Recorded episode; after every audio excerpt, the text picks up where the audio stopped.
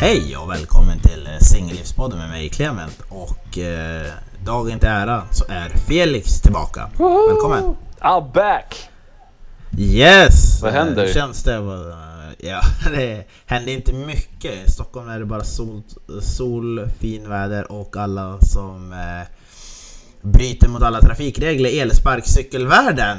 Jag vet inte om du har läst om det? Jag läste om det och jag blev så provocerad. För att, alltså, jag eh, har varit en sån idiot som kör eh, motorcykel utan Mm. skydd på kroppen. Alltså jag har bara hjälm på mig. Men jag Mm. vet ju Ja, det också är så. att det finns inte en polis i världen som skulle stanna mig för att jag inte har skyddsutrustning på mig på armarna. Men grejen är att Mm. om jag krockar i 110 på en motorväg, om jag inte har på mig skyddsutrustning på en motorcykel. Jag, inte, jag dör inte bara, utan det kommer ligga kroppsdelar över hela motorvägen. Alltså scattered. Det kommer vara, Ja. Jag kommer vara överallt.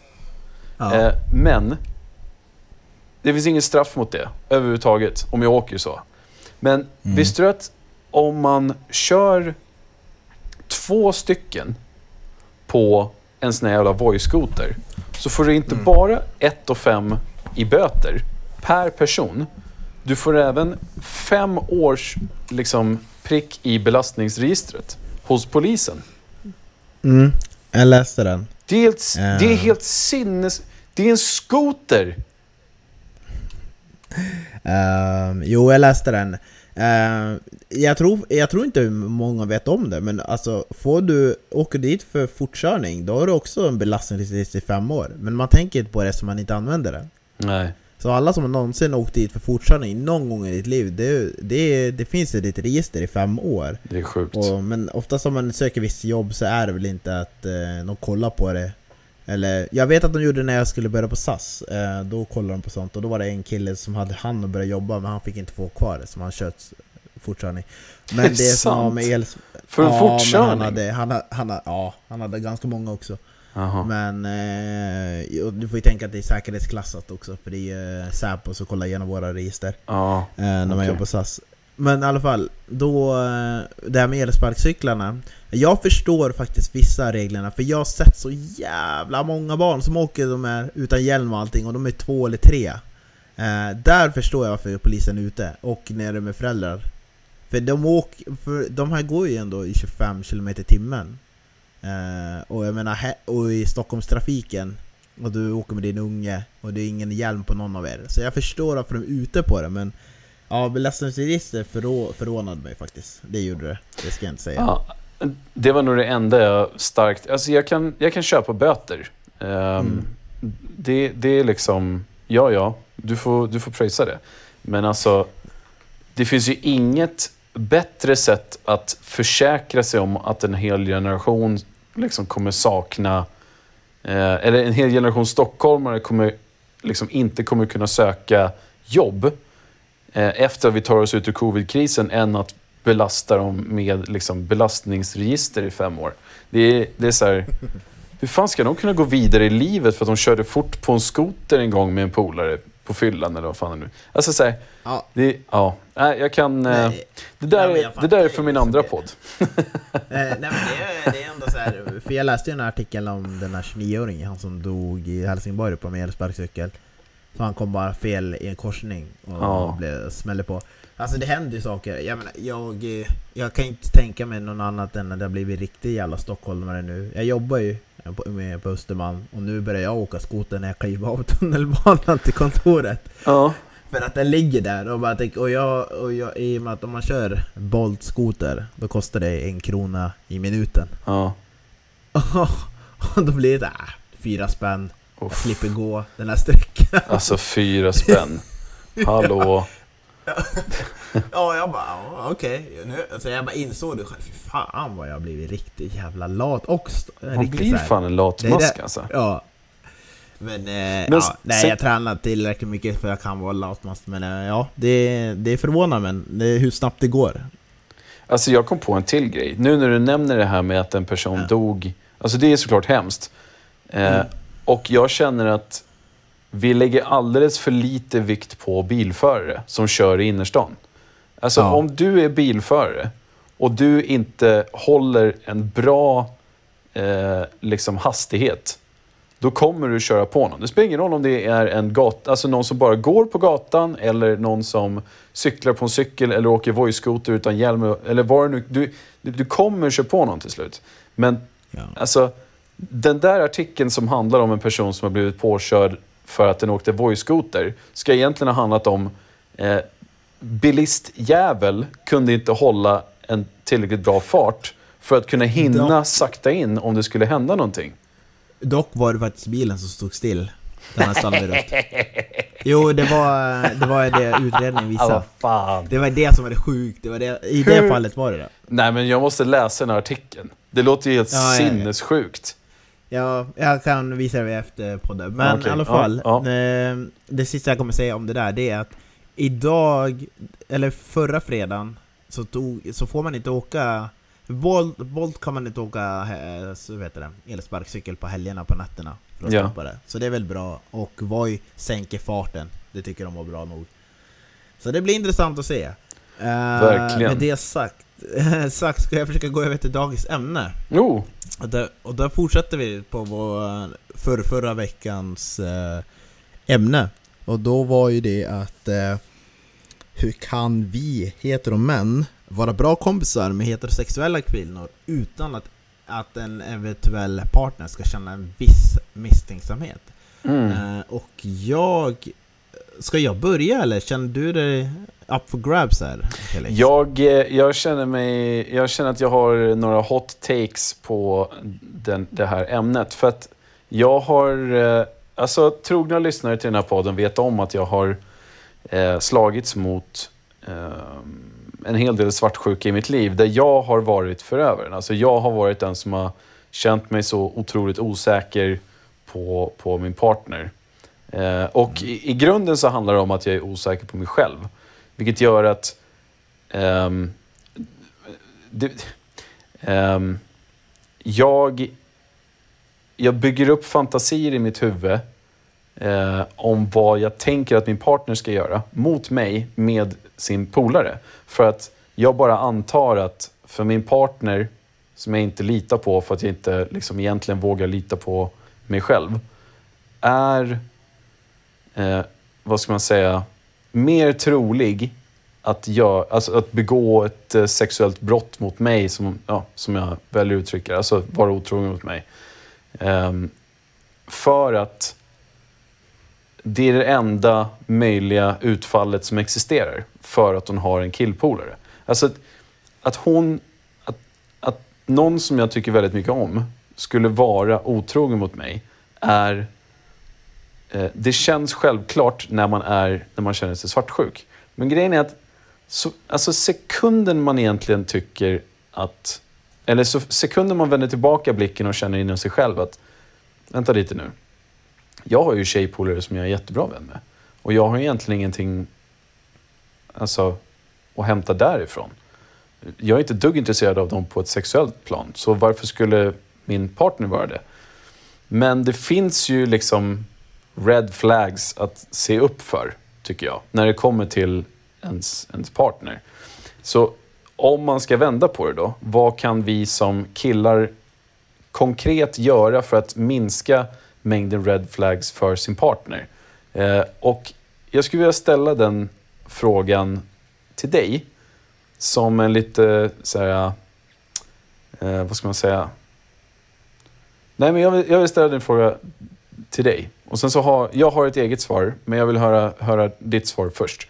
Ehm, Eh, Ställer frågan alltså, vad kan vi, är det att vad kan vi killar göra för att minska den från vår partner eller för oss själva mot vår partner? vad kan vi killar göra för att minska känslan hos vår partner att vi skulle vara otrogna med någon av våra tjejpolare? Mm. Det är ju lite intressant det där. Eh, ju- och då får du ju ha i åtanke att vi möttes ju för att jag dejtade en av dina bästa tjejkompisar. Just det. En av mina bästa vänner, period, faktiskt. Ja, exakt. Eh, jag visste inte om hon var din bästa vän. Det var, det var lite osäker på. Ehm, jo, men vi möttes ju på det sättet. Eh, för vi dejtade ju ett tag. Och och då, och för mig fanns det ingen, det finns ju ingen liksom en typ, eh, nu var jag inte ihop så men alltså att det fanns ju ingen svartsjuka på det sättet. För det Mm. är liksom, för mig är det ju liksom, är man ihop eller har man kommit till den punkten så är det ju typ att man eh, då, då litar man på den personen för den har ju valt dig någonstans. Men, men om jag ska utgå från mina egna förhållanden Det här har ju varit jävligt svårt ämne för mig att hantera För att jag blir inte svartsjuk Men de jag varit med blir det Mm. Men det enda sättet jag har försökt lösa det på Det är egentligen Försök introducera dem för varann väldigt tidigt På det sättet För då blir det inte För, de, för det är lätt som partner Att man fantiserar om hur den andra personen är mot en Ja. men om man kan se hur de är mot varann i, när man själv är i rummet Då får man, då, då, då ser man eh, the real deal, hur känslan är mellan varandra Så för mig, så jag skulle absolut prata om det med min partner om jag märker om det är fel Men också introducera dem för varandra när jag är där Mm. Ehm, och sen, sen kanske de inte blir bra vänner, det skit, eller jag höll på att säga det skiter jag i, men det, det stämmer inte riktigt. Men alltså, att, då blir det ju typ att, ja men då har de i alla fall fått chans att lära känna någon och eh, sen eh, får man ta det därifrån. Men just det, introducera varandra och sen ta, ta din partners känslor på allvar och inte bagatellisera inte bort det, för det blir ju alltid större problem senare. Ja. Jag, eh, jag, jag håller i stort med dig. Jag tycker eh, absolut att man ska introducera dem för varandra. Det tycker jag är lite av en självklarhet. För att jag, jag tänkte komma in på det. En red flag är ju faktiskt när man inte vågar eller vill umgås tillsammans med sin partner med den vännen. Eh, för det, det, det känns som spontant ehm, suspekt beteende. Vad är det som är... Okej om det är en total mismatch av personligheter. Det köper jag till 100%. För jag har polare som jag kanske inte skulle vilja introducera min tjej för. Sen kan man ju ifrågasätta hur pass bra vän jag är för att jag känner så. Men det, det finns ju definitivt alltså ett läger där jag Eh, liksom älskar min flickvän. Eh, och sen så finns det ett läger där jag älskar mina vänner. Och sen så finns det ett läger där jag absolut inte vill att de två ska behöva clasha ihop. För att jag vet att de någonstans kommer göra det. Men jag, jag njuter av båda deras sällskap liksom på, på varsitt håll.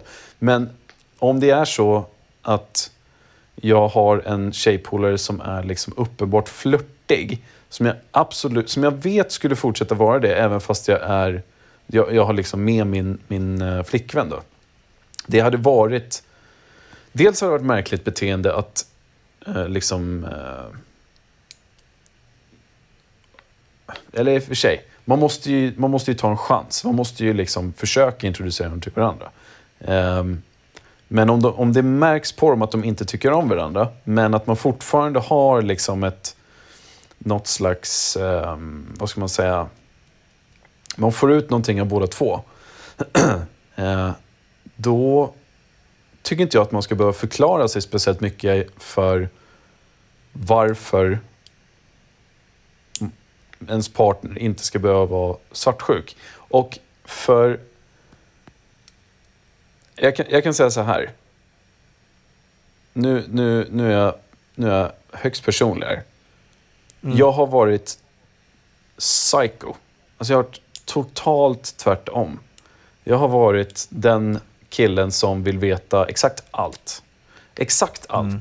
Och du vet, jag, jag har kunnat eh, höra av mig till min dåvarande flickvän och be om ehm, bilder Nej. på, på alltså när de umgås med den här personen för att veta att de faktiskt gör det de säger att de gör. Jag har varit, jag har varit helt sjuk på den fronten.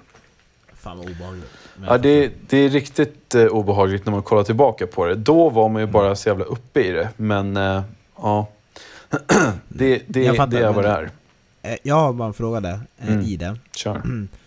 Hur gör man då om den partnern jag har träffat den här personen, om Mm. de inte klickar? Eh, Jag har ju varit med när eh, ex-partnern har kraschat med alla mina kompisar, men ingen säger något till mig. Och, och sen kommer det fram lite senare, och då, och då blir man lite kluven om den ex-partnern kraschar med alla. Mm. Då så här. det är inte bra. Det är inte okej någonstans att man kraschar med alla. Jag fattar att du inte gillar, men kraschar med alla, då blir det så. Men då undrar jag, vad gör du om det är så att eh, din partner är fortfarande osäker på sig själv, men de, de, eh, de har mötts. Och, och din partner säger Jag vill inte att du träffar den här personen själv. Vad gör du då? Och då menar jag, syftar jag på kompisen. Vad- Då säger jag att det har inte du att göra med. Och ehm, jag... Eh, du får lita på mitt omdöme. Eh, Mm. och, men, men var väldigt tydlig med att jag älskar dig, men jag tänker inte tolerera att du går över den gränsen att du ska börja kontrollera vem jag träffar. Det kommer inte ske. Det är helt upp Nej. till mig. Vi kan prata om det. Vi kan ha en diskussion om huruvida liksom det, det är liksom rätt eller fel eller vad, vad, vad jag ska göra åt det och så vidare. Vi kan prata om det, men jag kommer inte låta dig diktera över vem jag kommer träffa i mitt liv. Det kommer aldrig ske. Ehm, det det hade jag nog sagt. Jag, eller, jag hade inte varit så liksom stenkall över det kanske. Men jag hade i alla fall varit väldigt liksom tydlig. Mm, nej men alltså, ja men alltså du vet, Och så får du tänka att den personen har ett bagage av att killar varit otrogen med sin kompis Situationstecken Ja, du, får, ju- kanske. du får lägga in den också ja, Jaha, okej, det hade hänt.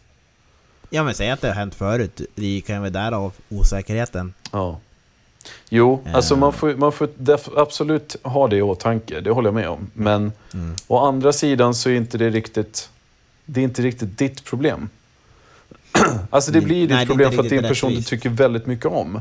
Men det är inte Ja. ditt problem på det sättet att det är någonting som du ska behöva stå till svars för som om du representerade den personens ex.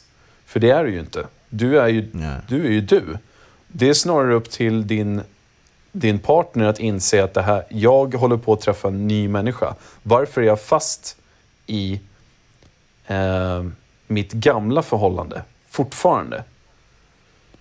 Jag, jag vet att, jag, vet att det, alltså jag, jag hör mig själv säga de här sakerna och det är otroligt provocerande att sitta och lyssna på det här om man själv är svartsjuk. Osäker Ja, ja precis. osäker och Osäker och svartsjuk. För att man vill, man vill liksom porträttera sig själv som ett verkligt offer. Eh, tro mig, jag har varit där. Men man, man, du, man kommer aldrig längre om du fortsätter se dig själv som ett offer som hela tiden, allting bara händer och allting är på grund av dina ex och du kan liksom inte släppa det och det har varit för mycket och sådär. Alltså det, det handlar om 100% dedikering till att du ska bli bättre. Det handlar inte om, no, det handlar inte om din partner ens. Det handlar inte om din partner. Det handlar om dig. Även om din partner är liksom shady och otrogen. Det låter också helt sjukt.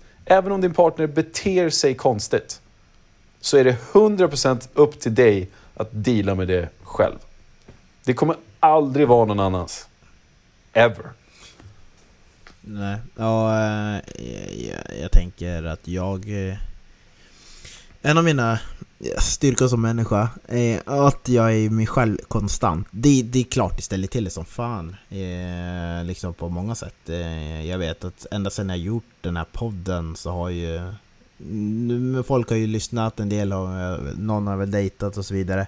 Men det är folk som tackar nej till dejta mig och så vidare. Men att... Eh, det där med, med tjejkompisar, eh, heterosexuella tjejkompisar, det har jag alltid... Eh, det är alltid, eh, det är alltid uppskattat också. För, eh, för oftast blir det så att man får en annan perspektiv på saker. Mm. Och, och då är det än mer viktigt, för det här händer killar. Jag vet inte om det har hänt dig på det här sättet, men det har hänt att man måste försvara sig själv som kille. Bara när man dejtar, att man har heterosexuella killar bara för att de andra har haft dåliga eh, upplevelser av andra killar som haft heterosexuella tjejkompisar för de har kanske legat med dem när det passar dem eller så vidare. Jag vet inte ska beskriva det på ett bra sätt. Mm. Men det har varit väldigt viktigt för mig att säga att, att det spelar ingen roll vilket kön personen har. Så länge jag gillar den som kompis så är den min kompis. Och då, och då får du bara ta, acceptera det. Mm. Eh, för att det är lite så kommer med package deal av mig, säger jag. Alltså det är liksom, mina kompisar är mina kompisar, de gör också mig till den jag är. Just det. Också lite grann. För det får mig... De, allas... eh, De alla... eh, Hur ska man säga? Påverkas ju av sina kompisar. Inspireras, eller det inte inspireras och så vidare. Så det är ju en del av den det personen du träffar. Och om du, du ska då skala bort det då kanske du kommer gilla helheten av mig för då försöker du bara eh, shape upp till mig till någonting jag Exakt. inte riktigt är. Exakt. Även om sen kanske det finns dåliga kompisar men ja, det är lite det. Din partner, eller inte din, utan ens partner kommer vara kvar med en version som inte går att älska. För att det är inte personen som du blev kär i från början. Det är en, det är en annan människa vid det här laget. Om man tar bort de saker som gör den personen till den man blev kär i från början. Då säger det sig självt att det inte kommer fungera. Det kommer vara ett, ett ytligt, tråkigt, dåligt förhållande byggt på osäkerhet och svartsjuka. Det, det, det funkar liksom inte.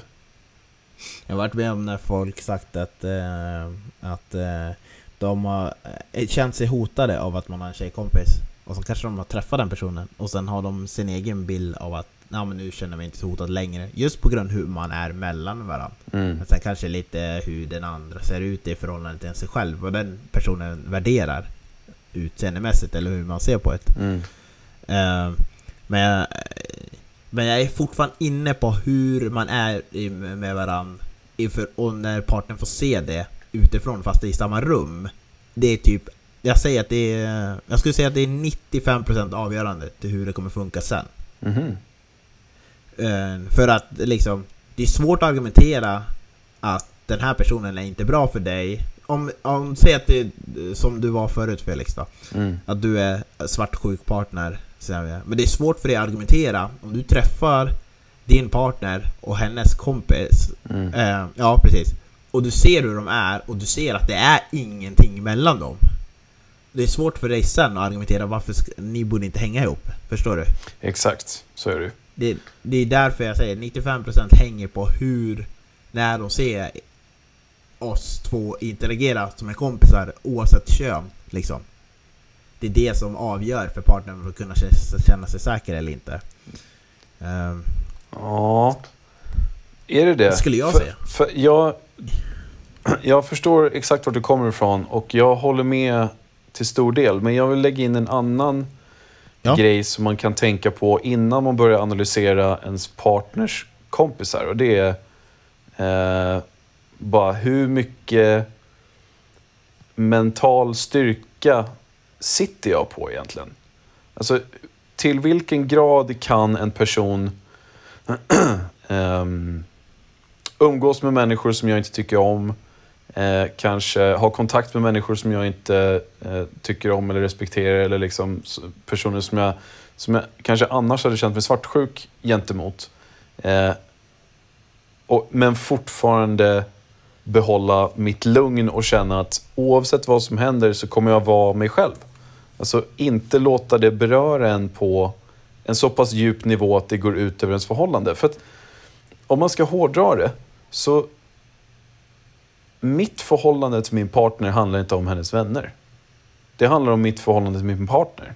Och så länge inte hon gör någonting, vad spelar det för roll vad hennes kompisar gör då? Det har ju ingen som helst betydelse egentligen. Det handlar ju bara om hur, hur pass stark jag är i att motstå frestelsen att bli svartsjuk. Och, och, och, och bli osäker på eh, liksom, grunderna på vårt förhållande för att hon umgås med en viss typ av person. Alltså jag tycker att man ska, man ska börja på andra hållet. Eller bör, börja på andra, andra liksom änden av, eh, av repet. Och, och liksom börja utforska varför du känner de här sakerna istället för att agera ute på din partner. Ta det inåt och bara varför, varför blir jag så här? Varför stör det mig så otroligt mycket? Är det någonting som jag kanske borde prata med någon polare först? Är det någonting som jag borde ta upp med min... Eh, om, om jag har en, eh, någon som jag kan gå till och prata med? eh, borde jag prata med mina föräldrar om det här? Se vad de säger? Kanske inte ta allas ord för att vara gospel utan kanske leta mer inåt och känna att ja, men, de kanske, sakerna kanske inte spelar så jättestor roll, men, men de sa någonting som jag tyckte var jätteintressant. Alltså det finns så många olika dimensioner man kan utforska innan man bestämmer sig för att riskera ett annars bra förhållande på grund av den personens kompis som du inte har någon som helst kontroll över. Uh, och vänta. Uh, en annan sak jag tänkte på. Mm. Jag ska fortsätta på det jag säger men uh, Hur blir det omvänt om du är den kompisen till tjejen som är ihop med en kille som kanske är lite on the edge? Hur ska du förhålla dig till den personen? Ja, det, det är intressant för jag tror att det är fel killar som pratar om det här. För att både du och jag är väldigt sådana som skulle se till så att eh, ens kompis pojkvän skulle känna sig så trygg i vår liksom, närhet som möjligt. Mm. Men det finns ju väldigt många killar och tjejer som är flörtiga, som är liksom handsy, som, som har svårt med att känna den här respekten gentemot en kompispartner. och jag skulle vilja höra deras, deras take på din fråga, för det, jag tror att den är mycket viktigare. Det är svaret mycket viktigare. Då får man se liksom den dåliga sidan, vad som kan hända om man har en partner vars kompis bara skiter fullständigt i eh, regler, boundaries och så vidare. Sen kan man ju börja fundera på... Eh, ja, nej men jag, jag, jag, jag stannar Jag där. tror vad vad, ty, vad tror- du? Vad tycker du? Jag tror, jag tror att jag är, jag kan vara en sån person som kliver över gränsen på sättet jag är, fast jag gör inte det för att jag är ganska kramig som person. Och har inte den personen mött mig så vet jag kan ju krama en tjejkompis liksom. Och har inte jag mött killen, du förstår vad jag menar? Eh, Men en kram är väl som- ingenting? Eller? det kan, du, vet- du vet ju själv hur det kan trigga. Nej, inte en kram. Eh, ja men alltså det kan ju trigga, så inte att det går hela vägen och du tänder alla synlindrar Men det kan vara någon trigger, vem är det här? Vem, varför kramar han min tjej? Det är lite om, du, du får ju tänka att det är killar som kan vara med kontrollbehov Ja, det- ja okej. Ja, men då, det, det är skönt att höra dig säga det, för då, då tycker inte jag att jag har världens basket case faktiskt. Nej men Nej men det är ju någonstans så här att om det, är, Ja. om det är så enkelt så kan det trigga Men jag kan ju också vara sån här som eh, eh, pratar en del med tjejkompisar För jag har lika mycket tjej som killkompisar och som jag sa tidigare, man har försvarat den åsikten på dejter, till och med första dejt också ja. eh, varför man ska kunna vara. Eh, och det... Och, och visst, eh, jag är som jag är med mina kompisar. Jag tror också att... Jag tror som killkompis att så länge, så länge du inte är som flörtig så ska du inte ändra på dig i förhållande till din tjejkompis. För hon Ja. gillar ju dig som kompis av en anledning. Eh, och, och så länge det inte är något konstigt mellan dig och tjejkompisen så att det blir... För jag vet att det är många tjejer som, som lyssnar på det här men som jag vet, känner också att det kan bli sådana här konstiga situationer tjejen, där killen sen som är kompis säger att han är kär i henne. ja. Och så länge det inte är den aspekten av problemet så, så ska inte han ändra på sig. Eh, oavsett det kommer en ny pojkvän. Utan det enda man behöver göra är att välkomna in och se till att inte pojkvännen eller den blir utfryst. ja. Det, det, det var min take på det. Se till att inte den är välkommen och inte den är utfryst. Men var det själv fortfarande. ja. Sen, eh, sen kanske, det enda som jag kan tänka på, som man, om man är kanske an, annars, det är om man är... Alltså, man är närgången fast på ett kompisaktigt sätt. Jag vet inte hur jag ska beskriva det. Alltså jag menar inte att man är närgången så att alla blir obekväma, utan man är närgången. Man kanske ger varandra kram eller high five. Alltså på något sätt som utomstående kan kännas konstigt. Eh, det är kanske, det är väl enda jag kan tänka som en kille, att man tar en liten step back när det kommer en ny person som är i relation med någon. ja. Eh, det är väl typ det jag tänker. Det- Men det är lite som du säger, vi är ganska lika i den respekten. För jag, även som singel och icke-singel, eller hur man nu än ser på allt. Jag har ju alltid levt efter devisen att jag gör ingenting med en tjej. Jag har två, jag har två regler. Och det är ett, hon säger nej. Den är given. Eh, alla dagar i veckan. Och två, att jag känner, jag känner tjejens pojkvän. Annars Ja. har jag ingen liksom... Annars har jag inget ansvar överhuvudtaget. För det är inte jag Mm. som är i relation. Men jag kan tänka mig att som en, din killkompis att du har ytterligare... Eh, du har ytterligare... Eh, jag vet inte, ytterligare ansvar för att det... Om det kommer en ny person, att se till att det funkar. Genom att inte vara så överdriven, kanske extrem närgång hela tiden. Så skulle jag nog säga. Ja, alltså, Det var långt. men, ja, jag, jag hör vad du säger. Men jag tänker, jag, ja, alltså jag ser absolut, grejen är, det, det var det här jag menar förut, att du och jag ser ju värdet att inte vara oss själva fullt ut när det kommer en ny person vars liksom, respekt och tillit vi vill ha för att få kunna fortsätta umgås med vår vän. Mm. Eh, I det här fallet så vill ju både du och jag se till så att eh, vår kompis partner är så bekväm med oss som möjligt så att det inte blir några framtida problem. Ja. Men min... Alltså, jag är lite rädd för att om inte jag kan få känna att jag kan vara mig själv med min kompis så kommer jag tappa min kompis. Då, vänskapen har liksom lite grann försvunnit. Förstår du vad jag menar? Om, om jag vet Mm. någonstans att jag beter mig konstigt gentemot min vän och jag börjar känna att det här inte det här är inte uh, okej liksom, beteende. Um, säg att jag har varit väldigt liksom, handsy och, och, och närgången och så och min polare har uppskattat det. och sen så kommer eh, min polares partner in i bilden. Det vore ju märkligt om inte jag kände direkt att ja men jag vill inte vara så här handsy för att det skulle bli jävligt konstig stämning instinktivt. Jag behöver liksom inte anstränga mig för att den personen ska liksom må, må bättre i mitt sällskap. Men å andra sidan så har ju egentligen inte min vänskapsrelation jättemycket att göra med att försöka skaffa respekt från min kompis partner. Förutom det att jag skulle skaffa min partners respekt. Men då, då bygger ju den respekten från, från min kompis, den baseras ju på hur väl jag kan anpassa mig till hennes liksom, partners svartsjuka. Det blir väldigt mycket tredjehands eh, refererande här. Eh, och det, jag, jag ber om ursäkt till alla lyssnare om det. Men jag ska försöka konkretisera lite. Eh,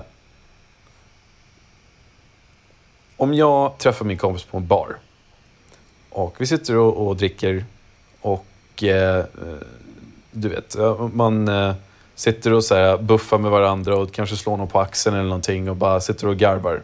Jag vet inte om man gör det, vad säger att man gör det. Eh, och eh, hennes partner kommer in. Och helt plötsligt så slutar jag. Om jag hade varit hennes partner och sett det utifrån in, innan jag kommer in i baren. Alltså, se, alltså jag, är, jag är partnern i det här fallet. Jag ser utifrån och in att eh, min partner och hennes bästa kompis sitter och är buffliga mot varandra. Och helt plötsligt så kommer jag in och stämningen är helt annorlunda. Du vet, båda två har bara slutat. Alltså jag som partner, om jag, om jag ser förbi min ytliga liksom, svartsjuke historik bakom mig, då hade jag känt så här, fan vad jag sabbade en asrolig, skön stämning. Genom att bara ha en aura av att jag är osäker. Va, vilket meningslöst sällskap jag är. Jag hade bara velat gå därifrån och bara ge upp och bara... Jag, jag skiter i det nu. För jag vill bara gå hem och grina över hur patetisk jag är. Nej, det låter lite, u- låter halvt utopi, men jag förstår att det finns någon som tänker så. Ehm, oj, vi har, jag kom på en sak vi har glömt. Vi har ju glömt när, när man är kompis med någon, uh, speciellt av motsatta könet, och den beter sig annorlunda när den får en partner mot den. Ja, Och det kan ju vara en, en, en time for another time. Men det som slog mig, just det där, för det just det där med kille och tjejrelationer. eh, Jag har ju varit kompisar med folk jag dejtat eh, efteråt liksom. mm. Men det är många gånger jag tvivlar på att det är äkta vänskap.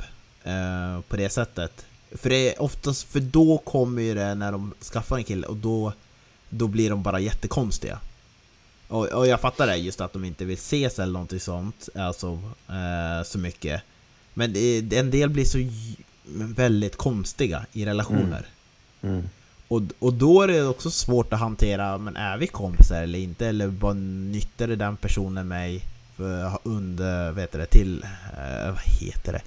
Inte underhållning, men typ eh, eh, var jag bara tidsfördriv. Mm. Tills den hittade någonting och då trodde man att man hade en sån här, ja men en schysst eh, vänskapsförhållande. Eh, och man eh, anförtrodde sig varandra saker. Eh, kanske inte hjälpte man eh, eh, datingmässigt men när, när man träffar partnern då, så här, då glömmer den bort den. Mm. Eller Och helt plötsligt så var man inte...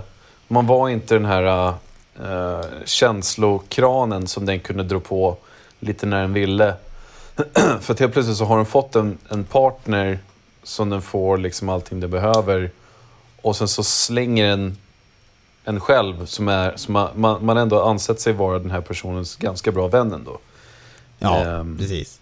Och det, det är ju liksom ett ganska bra tecken på att... Alltså, dels så tycker jag att det är så det är. Eh, I nästan alla förhållanden som jag har varit i så har jag haft svårt att behålla vissa polare för att de tycker någonstans att ja, men du blev en annan person. Eh, du, eh, du försvann bara helt och hållet. Du slutade höra av dig. Eh, det är liksom... Eh, ja, det blev inte lika roligt. Och eh, jag märkte väl att det blev... Eh, det, man är nykär. Och om allting går som det ska så tror jag någonstans att man kommer tappa kontakten lite grann med, med vissa polare. I alla fall ett tag, i alla fall en stund. Jag tror att Mm. de polare som man kanske är ämnad att behålla, det är de som man vet kommer finnas där om... men om man inte hörs på ett år, två år. Man kan bara ses igen och sen så är det som att ingenting har hänt. Men är det så att man inte hörs överhuvudtaget, liksom på hur länge som helst, bara för att den har skaffat ny partner. Ja, det, det är förjävligt. Men vad ska man göra? Man kan liksom inte tvinga sin, sin, eh, sin polare att bli polare med en igen. Då, då, då var det väl det den ville ha hela tiden. Någon som är liksom allt. Ens killpolare, ens älskare, ens eh, jag menar, kärleksintresse, alltihopa. Man, man ville bara ha det här paketet och, och allting annat fram tills dess var bara liksom transportsträckor typ. Man behöver Ja. inte se det på det liksom deprimerande, gråa sättet. Men det känns i alla fall så när man sitter där och är den polaren. Ja, och, ja och, och, och hur gör man för att komma ur det? Då, det är liksom... Det Vad skulle du säga? Alltså, jag skulle säga att... Eh, jag skulle ta den personen för vad den är om den försvinner i förhållande.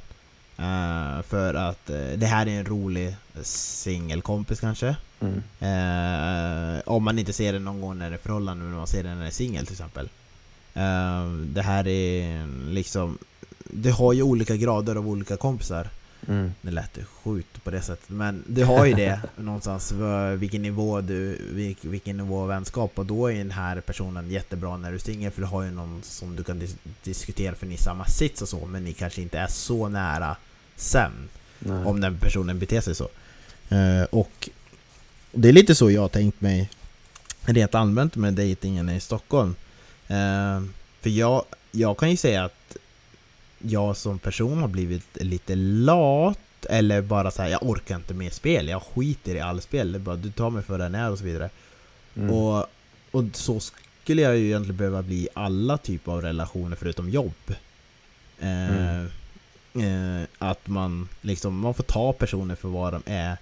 Och inte alltid, inte alltid, men vissa gånger, men inte ta det så himla personligt mot dig.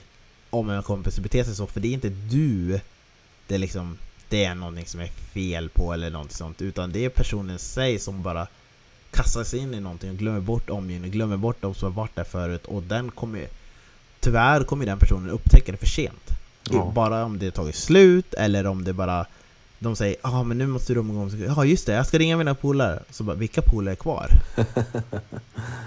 så att eh, det, är, ja, det, är, det är ett sorgligt kapitel men det, är- men det är viktigt att komma ihåg att om du är den kompisen som har en annan... Om du är den kompisen var, vars din kompis är bara i...